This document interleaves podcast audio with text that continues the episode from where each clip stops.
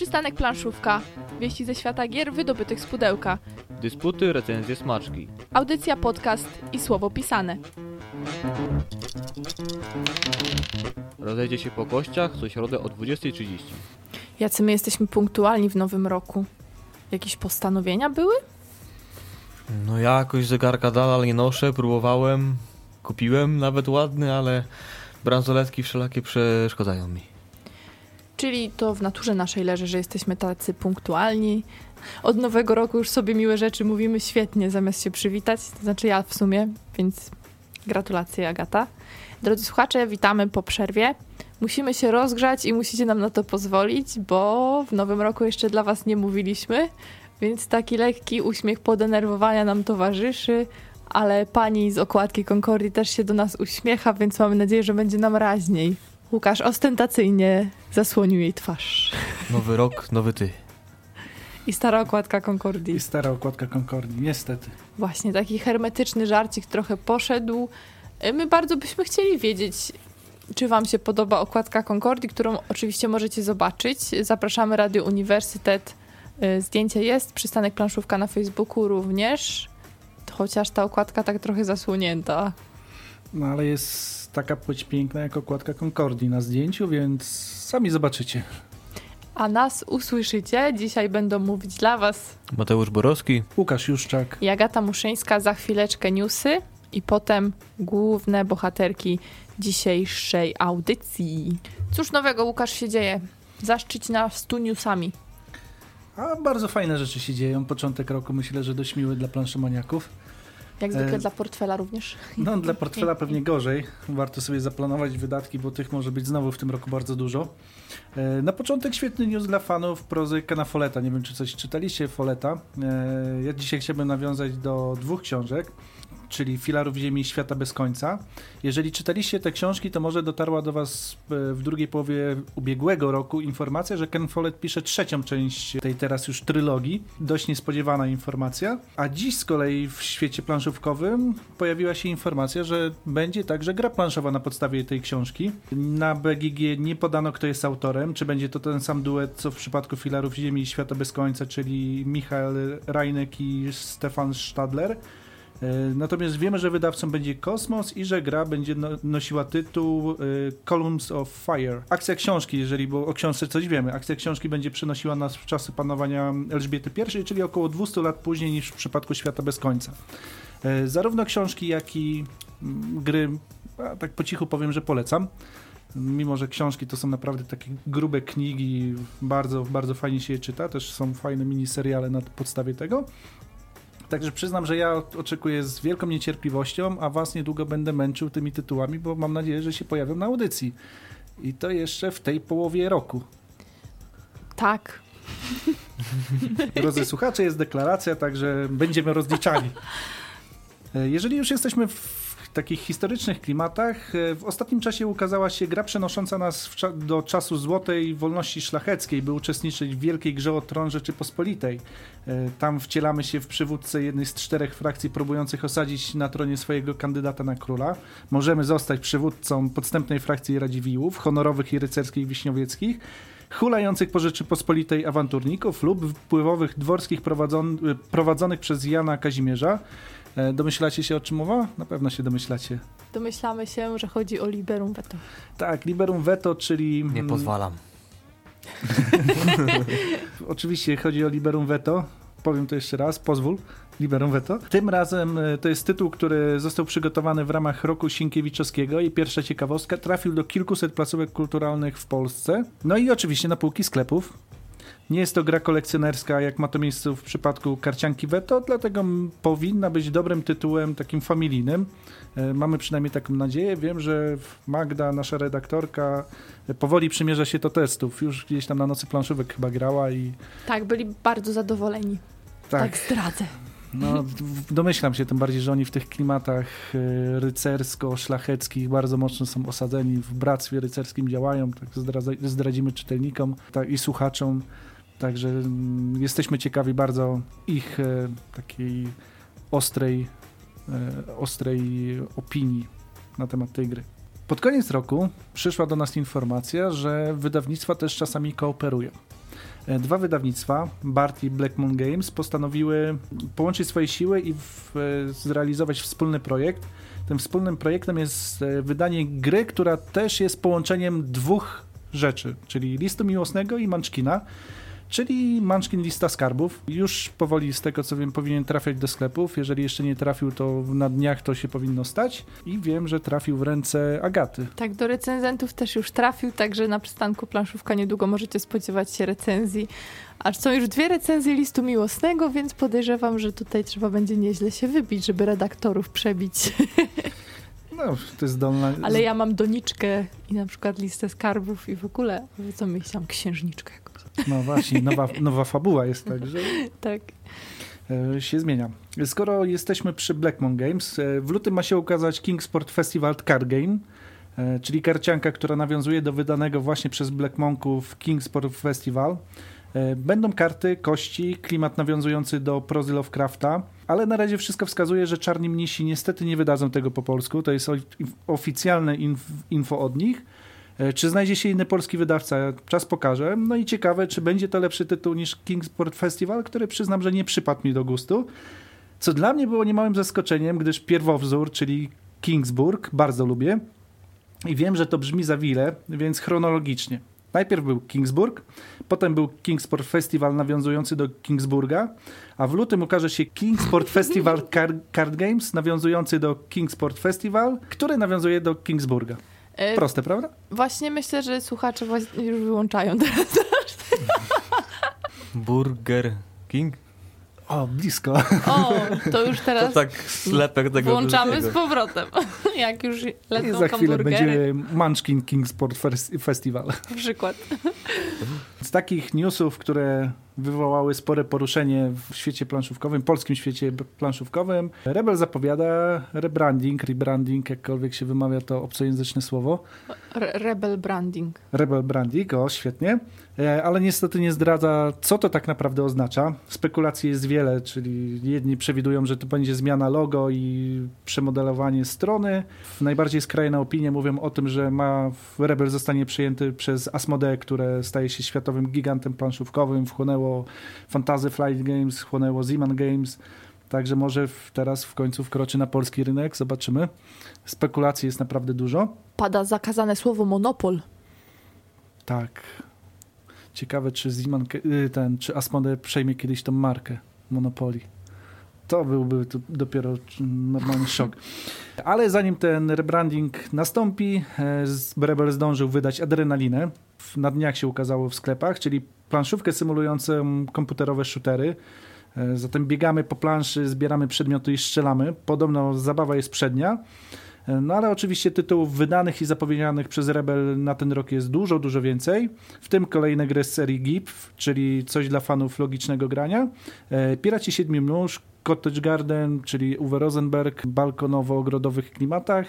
No i tak jak wspomniałem, wiele, wiele innych. Dobra wiadomość dla mm, tych, którzy oczekiwali w zeszłym roku na First Martians. Jutro w Polsce ma zacząć się przedsprzedaż tej gry, czyli już jest wszystko na ukończeniu. Niedługo powinniśmy się doczekać. Zobaczymy, jaka będzie data premiery, bo od przedsprzedaży może mimo wszystko trochę czasu minąć. Ale, ale w, bardzo fajnie, że w końcu to nastąpi. W Stanach Zjednoczonych e, już dzisiaj w nocy, jutro w Polsce. I portal zapowiedział też kolejną edycję PortalConu, ten 28 stycznia w Gliwicach. I tradycyjnie podczas PortalConu dowiemy się czegoś więcej o planach wydawniczych na ten rok.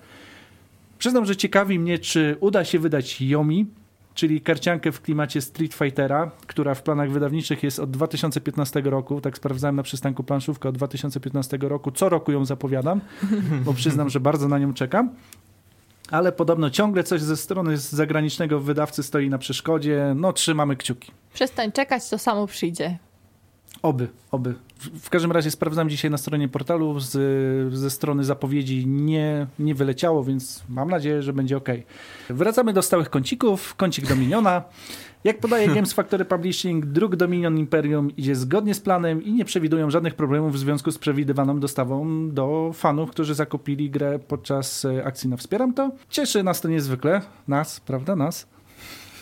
Tak, tak. Tak, E, tak. w- Ci, którzy śledzą profil Games Factory Publishing, mogli także w ostatnich dniach natknąć się na bardzo ciekawą informację, że e, odnośnie nowej kampanii dominionowej. Na razie zdradzono tylko dwie rzeczy. Będzie to w drugiej połowie roku i będzie to zbiórka, by wydać Dominion Adventures. Także ja przyznam, że czekam bardzo niecierpliwie i tylko się martwię, dlaczego dopiero w drugiej połowie roku. Ale to co, to będzie Dominion przygodowy? Nie, nie, to jest tam kolejny, ósmy bodajże, czy dziewiąty dodatek, który wprowadza dużo nowych kart i, i eventy i w ogóle takie fajne rzeczy. No, zobaczycie, Trzeba było do nikczemnych, szalonych naukowców nowe karty wprowadzić panu Pacarino. żeby naprawił grę. I kącik e-planszomaniaka, tego też nie może zabraknąć. Od 1 stycznia prawa do Dominiona Online przeszły w ręce Shuffleit. Wcześniej te prawa miał Making Fun. I w związku z tym mam dobre wieści. Po pierwsze, zaimplementowany został ostatni z dodatków, czyli Empires.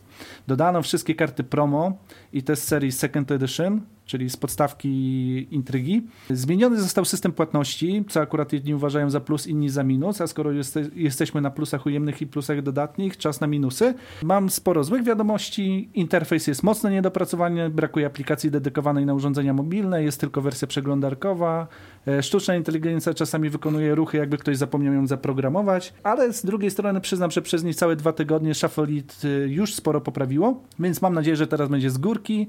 Choć przyznam, że głosów niezadowolenia jest bardzo dużo, w tym autora, który się wypowiedział oficjalnie na BGG. Tym bardziej, że ta wersja była zapowiadana od naprawdę wielu miesięcy i no, w topa przyznam na całego. I na koniec e, informuję jeszcze o, o tym, że trwa, przez kilka dni jeszcze potrwa ostatni etap mat handlu. Czym jest mat handel? Okazją, by wymienić gry, w które nie gracie na inne. Więcej szczegółów na forum gryplanszowe.pl. Polecamy, bo to dobra okazja, by przewietrzyć półki i nie, nierzadko zdobyć naprawdę bardzo ciekawe planszówki. Mat, ty handlujesz planszówkami? Nie. Mat handlarz. Akurat zakupiłem kolejne, więc To jest dobry moment, żeby opowiedzieć, jak to się stało. Jak to się stało? To się stało na ostatniej nocy planszowej u nas w Bydgoszczy. Była taka szczytna akcja, gdzie po prostu weszły na sprzedaż różne planszówki używane, które już były wypożyczalnie i też ktoś mógł własne przynieść, które już nie gra, dać na licytację. A licytacja, licytacja była charytatywna. Całe środki z tych sprzedaży, licytacji tych gier zostały przeznaczone na, na eleganckie, nowiutkie, piękniutkie planszóweczki dla dzieciaków, więc fajny, szczytny cel. Trochę kartonów no, nazbieraliśmy. Potrzebujemy po prostu nową komodę albo już co- coś większego, bo już ko- skończyły nam się regały. Zainteresowanie było bardzo duże. Chyba nie została żadna gra, która nie została kupiona. No i naj, najniższa kwota to bodajże naprawdę było 5 zł. O 2.30 Bartek z Centrum Gier Pegas powiedział, że tam było zebrane ponad 3000 zł, także świetna akcja naprawdę. A powiedz Mateusz, z jakiej gry jesteś najbardziej zadowolony spośród tych, które przyniosłeś tamtej O. nocy do domu? Hop, hop, nie wiem ile tam jest, o hop, takie mm, o żabach dla dzieci za 10 zł w dość zużytym stanie udało się dostać, ale gra jest kompletna, grywalna, da się, da się, da się to męczyć Agatę w to. Myślałam, że powiesz, że z wikingów jesteś zadowolony, co tam pazurami wywalczyłam, ale Te żaby mam takie wyłupiaste oczy. Mam jeszcze Animal Farm 07 zgłoś się, też przez rodzinę naszą wylicytowany, także naprawdę trochę przybyło po, te, po tej sobocie. Tak myślimy, że jakby pierwszy raz ten zakup planszówek można jakoś tak racjonalnie tłumaczyć i to nie można mieć wyrzutów sumienia, że się zostawiło tam trochę pieniążków. Nie, to był szczytny cel, najlepiej uzasadniony jak się da.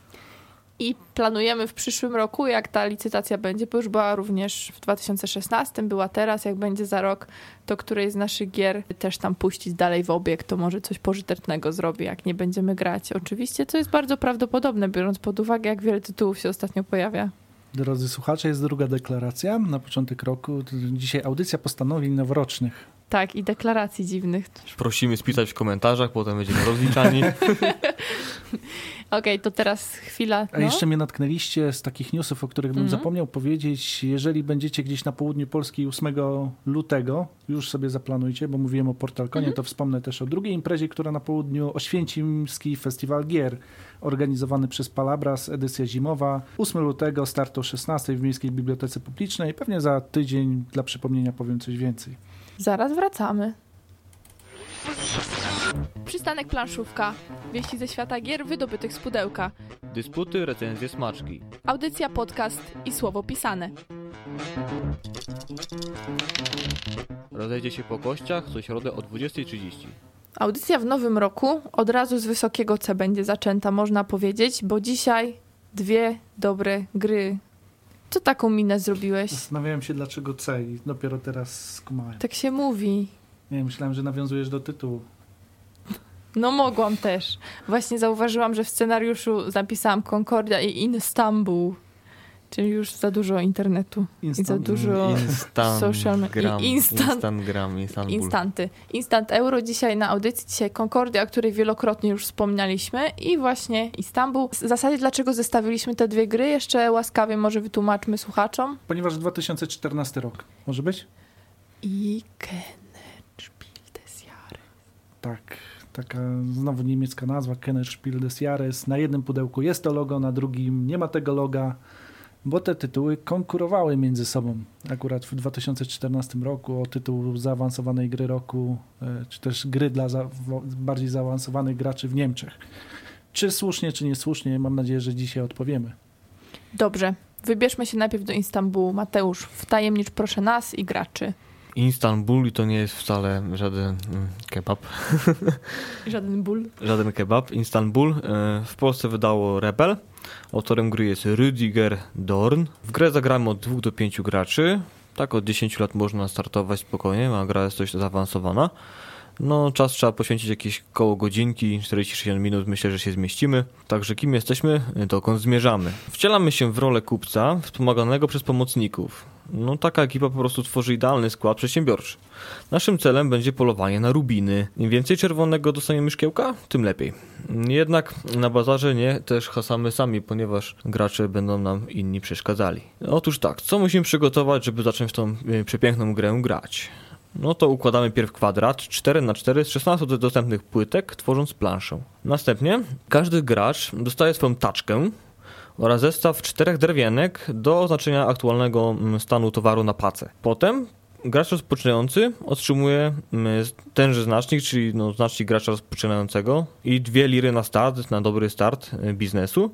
A następnie pozostali gracze, zgodnie z ruchem wskazówek zegara, o jedną lirę więcej od gracza poprzedniego, czyli tam 3, 4, 5 do 6 lir. Ym, Dodatkowo każdy gracz też dobiera po jednej karcie bonusowej.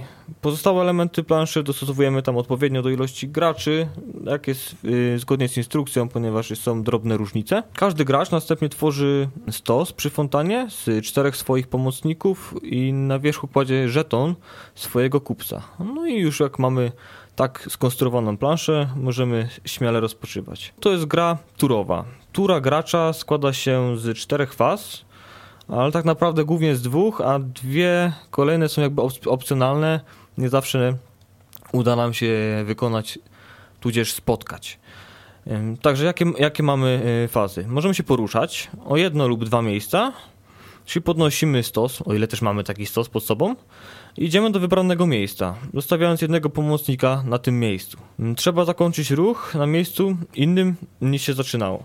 Wiadomo, nie można cały czas stać w miejscu i cały czas te same akcje robić. Poruszać się możemy tam, gdzie jeszcze nie byliśmy, lub też po swoich śladach możemy wracać, no czyli tam pozostawionych pomocnikach. Finalnie w ramach akcji też możemy zwołać gromadę przy fontannie w ilości jakiej chcemy, gdy już po prostu nasi ludzie się rozpieszyli po całym rynku.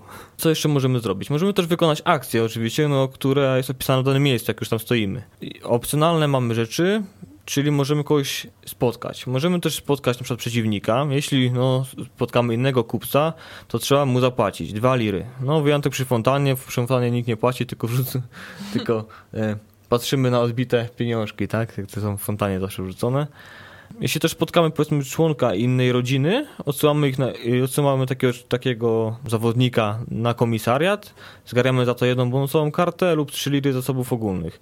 Jeśli też spotkamy, mamy szczęście, spotkamy burmistrza, czyli możemy dobrać na rękę jedną bonusową kartę. Jeśli się na to zdecydujemy, to musimy zapłacić z kolei dwa liry lub odrzucamy jedną kartę bonusową z ręki. Jeśli spotkamy przemytnika, możemy wziąć jeden dowolny towar. Jeśli się na to zdecydujemy, płacimy dwa liry lub jeden towar. No jak spotkamy burmistrza lub przemytnika, trzeba rzucić mu kośćmi. Suma oczek wskaże miejsce, gdzie należy przemieścić personę. Bo oni też muszą się pomiesz- po tym ryneczku przemieszać. Dodatkowo w grze mamy też karty bonusowe. Zdobywamy je z zakrytego stosu obok planszy. Odrzucane umieszczamy odkryte na miejscu karawanseraju, takie magiczne miejsce. Nie ma ograniczeń w ilości posiadanych kart na ręce, więc możemy gromadzić ile chcemy oraz możemy także ile chcemy użyć w czasie swojej tury tych kart. Do zdobycia są także płytki meczetu. Żeby zdobyć taką płytkę trzeba posiadać, nie płacić, na swojej taczce wskazane na płytce towary. No sobie płacimy jeden z wymaganych towarów. Każda płytka daje jakąś specjalną zdolność. Limit no to jest jedna kopia każdej płytki. Jeśli zdobędziemy obie płytki z tego samego meczetu, otrzymujemy rubin. Co mamy w ogóle na tym bazarze? No 16 miejsc nas czeka na odwiedziny. Każdy gracz jest warty i gotowy, wyposażony w taczkę na towary, czy naszą planszę gracze. Gdy taczka za mała, zawsze można powiększyć pakę i stuningować taczkę, by mieściła więcej dóbr. Pomiędzy alkami możemy też spotkać właśnie y, burmistrza, który reprezentuje fioletowy kołek, lub przemytnika czarny kołek. Gdzie wpadniemy naszą taczką, tam też czekają nas różne handlowe okazje. Raz uda się sprzedać rzadki towar za, no, niezłą w sumę lir, kiedy indziej na przyjdzie nam jakiś meczet odwiedzić, żeby się pomodlić, gdy nam, nam duch podupadnie. Napotkać też można łaskanego na cenne towary sułtana, który ma w ofercie rubiny, możemy zdobyć tak w sumie coś bezpośrednio. Jeśli chcemy po prostu za gotówkę, możemy iść i uiścić pewną kwotę, czyli konkretne liry, u handlarza kamieni szlachetnych, no i taką błyskotka po prostu ląduje u nas w zasobach. Ten cały wyścig oczywiście ułatwiają karty bonusowe, dające m.in. wiecie, wzięcie dowolnego towaru na taczkę, 5 lir do kiesy, przeprowadzanie danej akcji dwa razy, czy ułatwienie w zbieraniu naszej załogi kupieckiej do kupy. Może wydawać się trochę statyczne, dlatego mm, tam szemrane zagrywki też wchodzą w grę. Na przykład możemy zdobyć towary poprzez hazard, udając się do miejsca zwanego czarnym rynkiem, gdzie turlamy, gdzie turlamy y, kośćmi po niebieskie towary, albo też można pójść do herbaciarni, gdzie jak założymy pewną liczbę i mamy trafny rzut kośćmi, pogrubimy nasz mieszek, co będziemy liry. By nasza ta siatka handlowa działała sprawniej, opłaca się wypuścić członka naszej rodziny z komisariatu, który ten nam pomoże wykonać jakąś akcję gdzie indziej na całym naszym dostępnym rynku. Jak się wszyscy rozwiali, oczywiście możemy zebrać i przy fontannie przegrupować szeregi, poprawić naszą strategię zarobkową. Wszystkie tam szczególne opisy tych kafli, 16 miejsc, które nas czekają, są dokładnie i wyraźnie opisane w instrukcji. A jak ta gra się kończy? No dość prosto. Przy dwóch handlarzach, kto osiągnie pierwszy 6 rubinów u siebie na pace, no ten wyzwycięża. Jeśli Gramy w trójkę lub do pięciu graczy, pięć rubinów wystarczy, by ten cel osiągnąć. Pozostali gracze po prostu dokończają rundę. Jeśli mamy remis, no to decyduje w kolejności najpierw ilość lir, którą dany gracz posiada, następnie ilość towarów na taczce, a finalnie ilość kart bonusowych. Także dzieje się trochę na tym ryneczku. Czyli nie zmuszają na końcu gry, żeby zagrać jeszcze raz, jak remis jest nierozstrzygnięty. Ale można. Nic nie blokuje. A można też Concordię wyciągnąć potem. Dużo niewygodną. Dużo niewygodną i, i w ogóle. A czy godną waszego czasu, to zaraz opowiemy. Wyobraźcie sobie, drodzy słuchacze, że przenosimy się w czasy tak 2000 lat wstecz nawet ponad 2000 lat, w rejony Morza Śródziemnego, gdzie wy będziecie wcielać się w rolę rzymskich patrycjuszy i waszym zadaniem będzie budowa potęgi własnego rodu e, oraz zyskanie przychylności bogów. Będziecie wysyłać swoich kolonistów w różne zakątki imperium, tworzyć sieć handlową, e, sprzedawać, kupować różne dobra. Jakkolwiek klimatycznie by to nie brzmiało, myślę, że już to jest dobry moment, żeby wyprowadzić was z błędu. Zapomnijcie o tym. E, bo Concordia to jest gra, która właśnie przed chwilą sobie uświadomiłem, że jak zestawiliśmy ją z Istambułem, to klimatu ma tyle, co kot napłakał, a do tego brzydką okładkę. Co będę chyba jeszcze pięć razy powtarzał na tej audycji. No ale tak całkiem na poważnie. Czym jest Concordia? Concordia to gra dla dwóch do pięciu graczy i to jest o tyle ważna informacja, że w, w pudełku znajdziemy dwie mapy, na których możemy rozgrywać, czyli w sumie jedna plansza dwustronna, na której będziemy toczyli nasze pojedynki. Jedna plansza to Imperium Rzymskie, ona jest wykorzystywana w rozgrywkach dla trzech do pięciu graczy i Italia dla dwóch do czterech graczy. Concordia jest grą, która mnie bardzo zaskoczyła w tym, jak łatwo ją wytłumaczyć, ponieważ e, jeżeli już poznamy cel gry, a celem gry jest oczywiście zdobyć jak najwięcej punktów zwycięstwa, jeżeli poznamy warunki zakończenia gry, czyli to, kiedy wykupione zostaną wszystkie karty albo zostanie wybudowany mm, przez któregoś gracza jego 15 dom, to reszta tłumaczenia zasad polega na tym, że się mówi zagraj kartę i wykonaj to, co jest napisane na niej no po prostu fenomenalne. I faktycznie tak jest. W Concordii oczywiście jest trochę więcej elementów i trochę więcej różnego rodzaju twistów, które sprawiają, że ta gra mimo wszystko jest wyjątkowa. I co będziemy tam robili? Tak jak wspomniałem, będziemy rozwijali swoją potęgę handlową, będziemy zdobywać przychylność bogów. Żeby to zrobić, będziemy próbowali przejąć e, panowanie, przejąć wpływ nad obszarami na mapie, nad miastami. Będziemy budować kolejne miasta, które będą dostarczały nam różnego rodzaju surowce. Będziemy poruszali się kolonistami po, po mapie. Kolonistów mamy lądowych i morskich, także będziemy prze, przemierzali różne drogi. No i będziemy zagrywali owe karty. Na początku gry wszyscy gracze mają taki sam zestaw kart. Dodatkowo mają magazyn z dobrami. Część tych dóbr na początku mamy przydzielone, część będziemy zdobywali. Co ważne, ten magazyn też ogranicza liczbę dóbr, którą możemy zdobyć. I tak jak wspomniałem, w każdej turze będziemy zagrywać karty. Te karty będą e, pozwalały nam wystawiać nowych e, kolonistów, poruszać kolonistów, budować nowe, nowe budynki, nowe miasta, to znaczy budynki w miastach, e, żeby potem móc produkować określone surowce w tych miastach. Będziemy mogli wymieniać surowce, e, wykorzystywać specjalności różnych, z, z różnych miast. Co ważne, w tej grze budujemy swoją talię, także mm, w trakcie gry będziemy dokupywali kolejne karty i to robimy dla, z, z, dwóch powodów. Po pierwsze, po to, żeby wzmocnić e, swoje możliwości, e, bo karty wracają do nas dopiero, kiedy mm, zagramy jedną z kart, która pozwala nam odzyskać wykorzystane, wykorzystane mm, karty, czyli karty trybuna. E, natomiast drugi powód to to, żeby zdobyć jak najwięcej punktów, bo każda karta to także symbol Boga, a każdy Bóg w tej grze, a jest ich, żeby nie skłamać, sześciu, Vesta, Jupiter, y, Saturnus, Merkurius, Mars i Minerva. Każdy będzie dostarczał nam punkty za co innego. Także co ciekawe w tej grze zawsze będziemy mieli jakieś punkty, nawet grając tak trochę po omacku. Natomiast, żeby zwyciężyć, to już trzeba się trochę bardziej napocić. Jakkolwiek za wiele by to wszystko nie brzmiało na razie, Concordia, kiedy wsiadamy przy planszy, kiedy dowiemy się po co są te surowce, jak budować budynki, e, tak naprawdę staje się bardzo prostą w zasadach grą. I trzeba zapamiętać jedno. Zagraj kartę, na której wszystko masz praktycznie napisane. Co przy grze, która jest, która kandydowała jako zaawansowana, to zaskakuje, bo kojarzy nam się pewnie, że instrukcja będzie bardzo rozległa. A instrukcja jest króciutka, cztery strony plus yy, taka karta pomocy. Z tych czterech stron oczywiście jest trochę obrazków, także są przykłady, a główne zasady to jest jedno zdanie. Miód na mózg gracza po prostu na samym wstępie. No i warto dodać jeszcze tak, żeby podjudzić ten e, poważny nastrój, że to poważna gra, to jest pierwsza gra, która została wydana w serii Egmont Geek. Także ona wskazuje, że mimo wszystko to jest gra dla zaawansowanych graczy, pomimo, że zagrywamy tylko jedną kartę. Zaraz rozwiniemy ten wątek.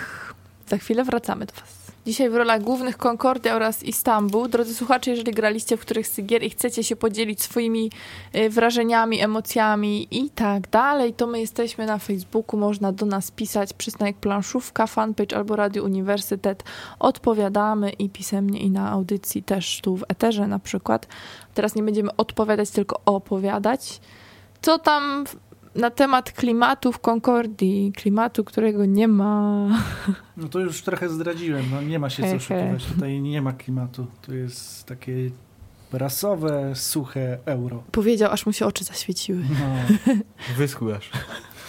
Ale w Istambule czułeś, że ten wózek tam wiedziesz? Znaczy się nie mogłem się przekonać, przekonać do tego, że wiozę taczkę, ale myślałem, że mam jakąś skrzynkę po prostu, bo to takie na taczkę mi to nie wyglądało, ale klimat ma na pewno. I widać co chwilę jakiś turban się przewija, jakiś mecz tam jest, jakieś rubiny. Poza tym pod, podobały mi się każde gry, które mają jakieś takie kryształki. Badacze Głębin, Hobbit miał kryształki, e, Istanbul miał kryształki, też miał kryształki. Takie właśnie kosteczki, kryształki. Nie wiem, może jakieś kawałki, czy Kawałki coś? plastiku, może coś mam ze sroki na przykład, nie wiem. Może masz coś ze sroki. Ty w ogóle masz taką cudowną umiejętność dostrzegania klimatu w grach, w których na przykład my jesteśmy totalnie susi i nie widzimy go. No, ty zawsze coś znajdzie. No jest. To jest dobre, to dobrze, dobrze. Znaczy Mm, w Concordii jest, też jest klimat, bo są bardzo fajne znaczniki. Cegły, żywności, narzędzia, wino, tkanina, to wszystko ma innego rodzaju znaczniki. Tam w formie stągwi czy, czy snopków zboża. Także to, to ład, wygląda ładnie. Nie? No jak się rozłoży planszę, która też jest ogromna, to też wygląda ładnie, ale klimatu tam nie ma.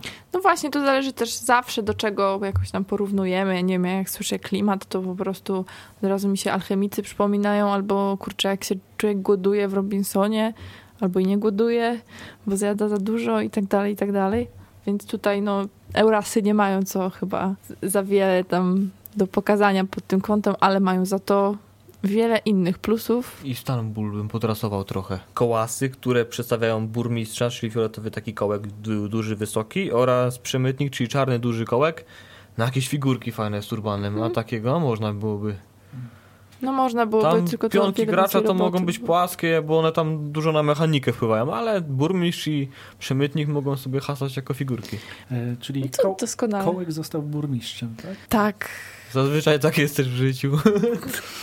Dzisiaj się narażamy. Już się naraziliśmy mu ten, tam ONR-owi i tym podobnych. Zacząłeś o kebabach i m- meczetach mówić, o tym modlitwie w meczecie, no to teraz jeszcze burmistrzem. O, będzie audycja. Montaż jest potem. Pamiętajcie, że to ja nad tym panuję ostatecznie. Będzie poprawnie politycznie. Tak, potem te wszystkie najgorsze rzeczy są powycinane, więc pozdrawiamy tych, którzy słuchają nas teraz. Haha. Emocje. Co tutaj fajnego można się spodziewać, jak siadamy przy tych dwóch grach? Emocje rosną y, z ilością rubinów. Im więcej mam, tym bardziej się emocjonuję. Albo im więcej przeciwnik ma, tym bardziej się wkurzam. Dlaczego? Jak on to zrobił? Gra budzi emocje. Uuu, zahaczamy o negatywną interakcję. Znajdziemy ją tutaj? W Istanbule? Tak. Gdy spotkasz powiedzmy innego gracza, musisz płacić mu hajs. Gdy spotkasz jego członka rodziny, wpakujesz go do paki. Więc No i jest. za to jest nagroda. No. Tylko, że jak idziesz na pole, gdzie on jest, to jakby świadomie się narażasz na tą interakcję negatywną. Niby świadomie, nieświadomie, ale płacić trzeba. Tu się właśnie pojawia słowo y, kupno, sprzedaż. jakby Concordii On by chyba. mi dał, to ja bym wziął. chętnie. A, no tak, rozumiem. W Concordii jako takiej chyba nie czułam jakiejś wielkiej negatywnej interakcji. Najwyżej mi przeszkadzało, że ktoś mi się posadził tam, gdzie już bardzo chciałam. To taka czasami nieświadoma, czasami tak, żeby wbić szpileczkę interakcja, mi się wydaje. Mi to przypomina Ticket to Ride. Tak właśnie, jak już masz zajęty, y, tra- Mhm. zajętą trasę, to już pies pogrzebany. No. No, z tym, że tutaj chyba rzadziej, bo w Ticket to Ride czę- często tak wrednie właśnie y, się zajmowało, po to, żeby czasem człowiek zakumał, że tą trasę ktoś realizuje, a tutaj chyba tak y, bardziej nieświadomie to robimy. Po prostu każdy biegnie po tam, gdzie, bo właśnie, ważne jest to, że startujemy z jednego miejsca, więc jak zaczynamy się rozchodzić, szczególnie w tych czterech, pięciu graczy, to każdy z początku najpierw chce do tych najlepiej punktów, to znaczy najdroższych surowców dotrzeć, bo w każdym mieście mamy jeden surowiec. Każdy z surowców jest, y, kosztuje inną kwotę od 3 do 7 sestercji. No i wiadomo, że na początku najlepiej zdobyć te, te miasta, w których produkowane są te najdroższe surowce, po to, żeby potem móc je wymieniać chociażby na, za pomocą karty kupca. A wiecie co? Tak się skarżymy tutaj na tą Concordię i na jej widoki, a jeszcze nie powiedzieliśmy o wydaniu obu gier. Oprócz tego, że tu są kryształki, a w Concordii ładne znaczniki surowców, to chyba teraz można się popastwić nad tym pudełkiem konkordiowym. Ja się cieszę, bo nie jesteśmy jedynymi, którzy uważają, że to pudełko jest, tym pudełkiem można straszyć dzieci. Mam nadzieję, że żadnej pani, która pozowała do tego obrazu, który jest na okładce, nie obrażam. To jest wymysł jak to tutaj auto, autora grafik, natomiast wiele ludzi narzeka, że ta okładka jest brzydka jak noc, ale wewnątrz mamy naprawdę ładną grę. To jest to, ona jest brzydka jak noc, ale powiem ci, nie przeszkadzałoby mi to tak, gdyby te wymiary miała inne. Bo to jest pudełko, jeżeli nie widzicie tego, i nie chodzi mi o wymiary pani, tylko o wymiary pudełka, Łukasz. No ona jest, wygląda jak stary eurobiznes po prostu, ten taki, to Mi? takie pudełko, jakiś taki prostokąt, płaski. Do, nie przystaje kompletnie, nie ma jak jej wsadzić w tą twoją super półkę z grami. A czy u mnie akurat się znalazło takie miejsce, bo jeszcze mam trzy tak nieforemne tytuły. Sigismundus Augustus Dei Gratia Rex Polonie. A, makarena. Samuraj i co gorsza, wszystkie te cztery gry lubię. I żal mi się pozbyć ich spółki, a są tak nieforemne. I jeszcze pasują do siebie, jakie to wspaniałe w ogóle. A nie, tam Przypomina mi ta gra formatem taki mm, kawał deski do serów, jak masz Tak? do prezentacji serów, jak pokroisz ser, to tak A nie pudełko sam. bombonierek? też. Lub, o, co gorsze, nici, przyborów do szycia. O Boże. Tutaj to faktycznie to, to Bordo. Porozmawiajmy o Istambule, jeśli chodzi o wygląd. A Istanbul jest bardzo ładny. E, Przyznam, że to i graficznie, pudełko wymiarowe, graf, graficznie też bardzo fajnie się prezentuje. Ikonografia jest w miarę czytelna w tej grze. Także to, to takie dobra, dobra szkoła. Dałoby się trochę ścisnąć. Dobra jeszcze. szkoła, taka klasyczna bardzo, nic takiego wyjątkowego Znaczy, moim w, zdaniem. w sensie w pudełku ścisnąć, tak? No, zmniejszyć pudełko troszkę. No, Dobra. zdecydowanie. Jeżeli w- końcu się zdecyduje na dodatki, to wiem, że zmieszczę je spokojnie w tym pudełku, które jest. No ale To też jest nie jest największe. To jest ten standard taki, nie wiem co jeszcze, podobne były Epoka Kamienia i tym podobne gry. No jest ładna, ale czy porównując z grami, które już widzimy, to nie wyróżnia się czymś szczególnym w sumie, nie? No ale czego tu już wymagać? No, ile można wymyślać super tutaj designów. Wracając do Concordii, to jeszcze pozwolę sobie porównać to pudełko do bombonierki i jak to napisał jeden z recenzentów przystanku planszówka, to pudełko to prawdziwa delicja wśród europlanszówek. Co tak poetycko pisze? Ktoś był bardzo głodny chyba, jak to Delicja bez galaretki. Zajrzyjcie koniecznie, drodzy słuchacze, w to pudełko, bo, bo jest zawartość o wiele lepsza niż pudełko. Jak to Mhm. czasami bywa też z człowiekiem. Wow. Nie wiem o co chodzi. jest późno. To nie była żadna aluzja. No właśnie tak. O, Z przykrością spojrzałem na Mateusza, zasmucił się trochę chłopak. Oj, te audycje na żywo, dobrze, że potem... Próg wejścia. Myślę, że to jest dobry moment, żeby o tym powiedzieć. Jako, że gry kandydowały do tytułu tych zaawansowanych, to czy to oznacza, że musi to gracz zaawansowany w nie pykać? Jeśli chodzi o Istanbul, to to nie jest takie na pierwszy ogień, ale na drugi już bym kogoś rzucił. Jak już tak zapoznał się z... Wiewiórami. Nie no, Z Carcassonne. o, z Carcassonne albo... Chociaż nawet ten dobry, taki sprawdzony, dobry, to jest duże słowo, Eurobiznes, Albo z kartami dżentelmenów. w sensie mechanika właśnie skakania, poruszania się, odwiedzania jakichś punktów, no i jakoś zarządzanie ręką plus no, jakaś obrotność kasą i myślę, że starczy, no. Trochę jest symboli, że się przy, przyzwyczaić, bo kolorki trzeba rozróżniać jednak. Owoce trzeba rozróżniać, to już jest wyższy próg trochę. Tak, znaczy generalnie nie, dwie podstawowe są właśnie fazy poruszania, więc to nie jest aż tak dużo do ogarnięcia, dodatkowe, czyli spotkanie kogoś na planszy jest okazjonalne i zawsze inny gracz, już to, który już to grał, zawsze może łatwo wytłumaczyć o co chodzi. Najgorzej jak ma płacić. Concordia jest trudniejsza czy łatwiejsza niż Istanbul? W pierwszych zasadach łatwiejsza, ale w Concordii jest jedna trudność. E, Punktujemy na samym końcu gry. Bo w Istambule rubiny zdobywamy w trakcie. I to gdzieś tam pokazuje nam cel, do którego dążymy. A w Concordii punktowanie jest na samym końcu. Punktowanie jest z kart, które mamy na ręku. Jeżeli sobie dobrze tego nie wytłumaczymy, dlaczego warto zbierać te karty, bo tu, jak wspomniałem, e, tutaj e, warunki zakończenia gry są dwa. Albo postawimy wszystkie domki, jakie mamy, albo mm, tak jak w Eurobiznesie prawie, nie? albo skończą się karty, to może się okazać, że tych punktów mamy mniej niż byśmy się spodziewali. Mm, Jest owszem wariant, w który co, co pozwala na punktowanie w trakcie gry, natomiast to tak naprawdę nie ma większego sensu. Tak w późniejszych rozgrywkach. Nie wiem, nie próbowałem tego z graczami, zawsze staraliśmy się wy, wy, wytłumaczyć to od razu. Natomiast z początku może być faktycznie taki lekki paraliż decyzyjny, co ja właściwie mam robić, bo mam do w ręku tych kilka kart, każda, każda robi co innego i w jakiej kolejności zagrać.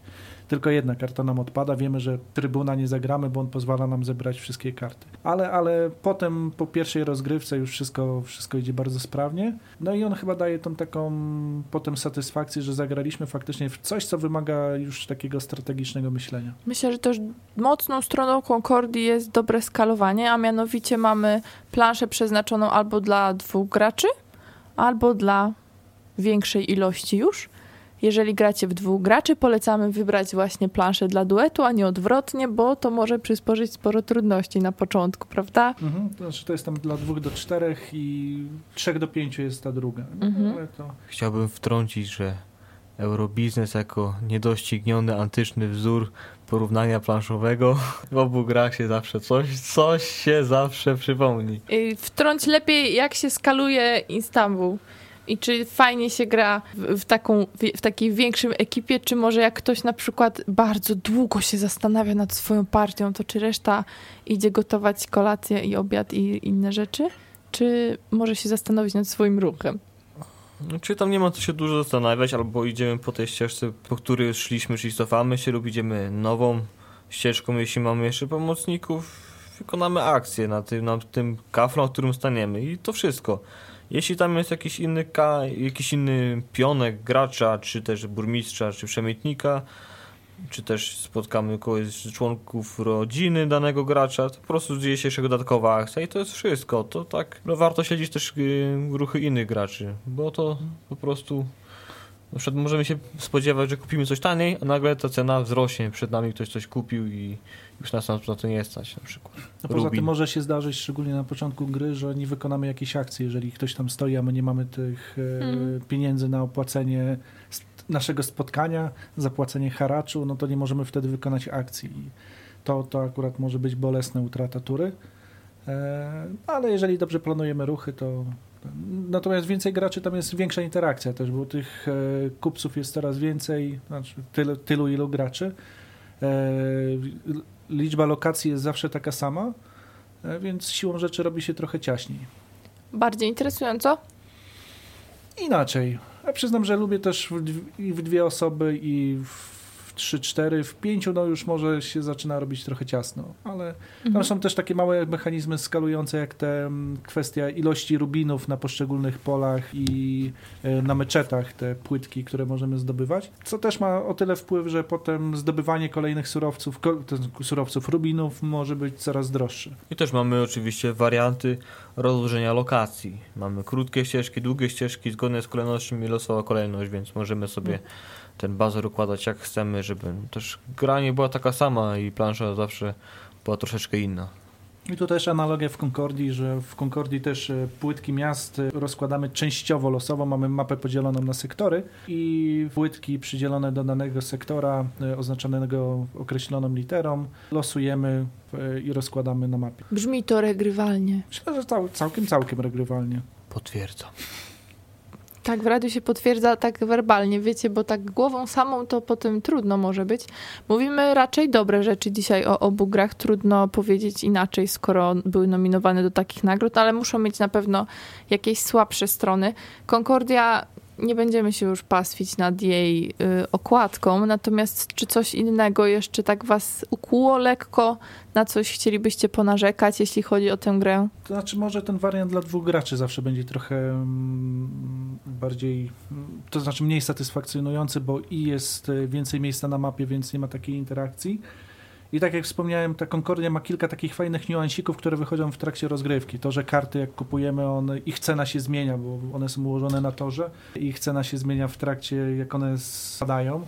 Także można sobie tam planować, kiedy chcemy kupić tą daną kartę, chyba że ktoś przed nami ją kupi. Ale też jest taki mm, warunek, że jeżeli budujemy e, domy, płacimy określoną liczbę surowców za dany dom. W momencie, kiedy e, już tam stoi inny dom, e, ten koszt jest zwielokrotniony. I to z kolei bardziej się czuje w rozgrywce dla 4-5 graczy, mhm. bo faktycznie na mapie jest trochę ciaśniej, a może nam zależeć na tym, żeby mimo wszystko zdobyć określone miasto, wybudować tam dom po to, żeby produkować surowce i po to, żeby zdobywać też punkty za to.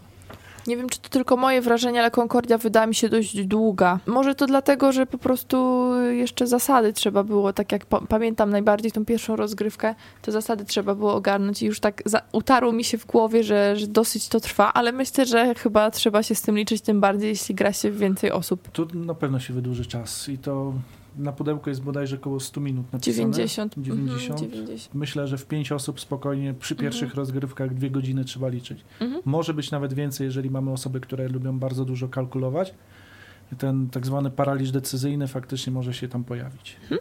Aczkolwiek to nie jest mimo wszystko tak trudna gra, jak dajmy na to Louis i Clark, o którym mówiliśmy, czy tak. Kaidus, o których mam nadzieję, że kiedyś powiemy. tak, albo Tezeusz pewnie.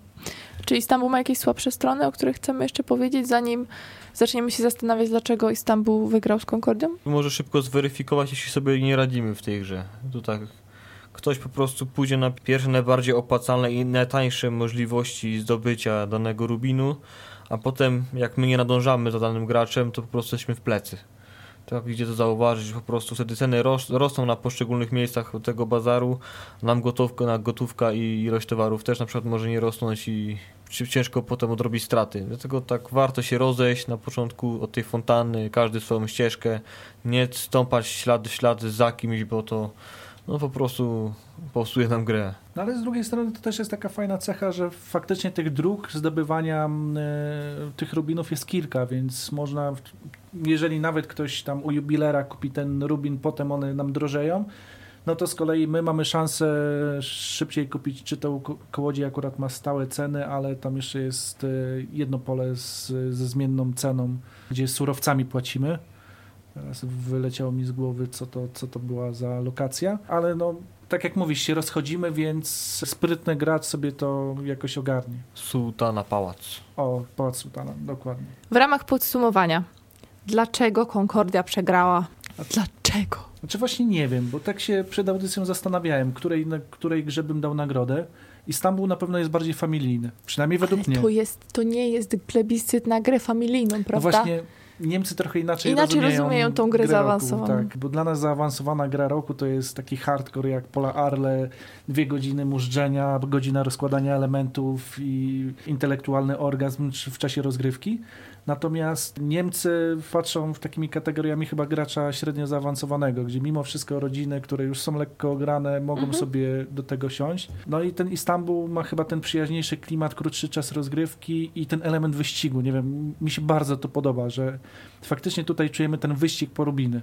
I każda kolejna rozgrywka mi pokazuje, że faktycznie może się zdarzyć tak, że nagle gracze patrzą, m, ciułają sobie własne rubiny. Jeżeli się nie przeglądają, co robi inny gracz, mogą się zdziwić, że właśnie gra się skończyła. A ja chciałem jeszcze coś zrobić. No i cel też jest w sumie jednoznaczny, prosty i założony na początku. Każdy wie po co, po co biegnie. Mhm. A tutaj jednak w Concordii i kwestia tego, ciężko sobie na początku zbudować, które karty, ułożyć w głowie, które karty lepiej kupować i czy chcemy dążyć do szybkiego pozbycia się domków, czy szybkiego wykupywania kart. No jest to mimo wszystko bardziej zaawansowana gra i to chyba też pokazuje ranking BGG,